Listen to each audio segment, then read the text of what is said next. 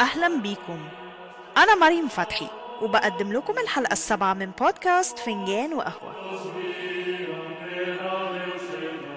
الكانتيجاس دي سانتا ماريا. مخطوطة بيرجع عمرها للعصور الوسطى وهي عمل أدبي كتبه ألفونسو العاشر ملك قشتالة وليون اللي كان عنده عشق وشغف كبير جدا تجاه الأدب وكان أول من دعم وشارك في العمل الأدبي في قشتالة. وشارك كتاباته الأدبية مع كبار المثقفين والأدباء في بما يعرف بمدرسة المترجمين بقشطالة.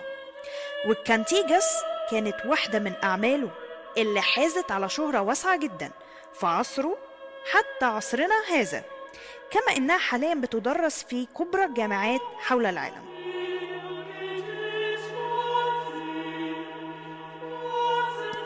الكانتيجس اتكتبت باللغة الجاليكية البرتغالية وهي مكونة من 427 قصيدة وكانت بيتم إنشادها في البلاط الملكي لألفونسو الحكيم. مخطوطات الكانتيجس هي خليط بين التراتيل الدينية وأحداث مرت على العاهل والعائلة المالكة في الوقت ده.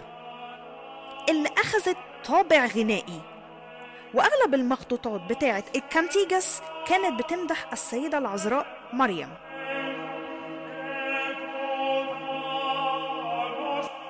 في عصرنا الحديث أخذ الملحن الأسباني جوردي سافال الكانتيجس وحولها للحن غنائي جميل جدا.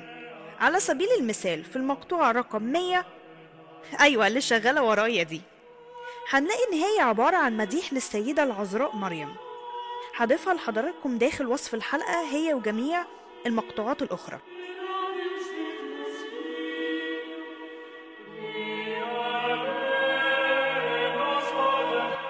وبكده تكون انتهت الحلقة السابعة من بودكاست فنجان وقهوة.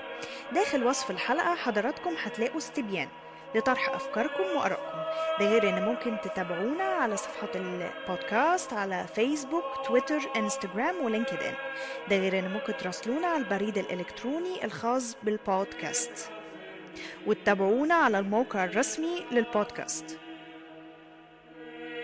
لا استنوا أنتوا رايحين فين؟ اسمعوا الحلقة اللي وراها. أنا نزلت الحلقة الثامنة مع الحلقة السابعة النهاردة. اسمعهم هما الاتنين ويا رب يعجبكم في انتظاركم تسمعوا الحلقة الثامنة. باي باي.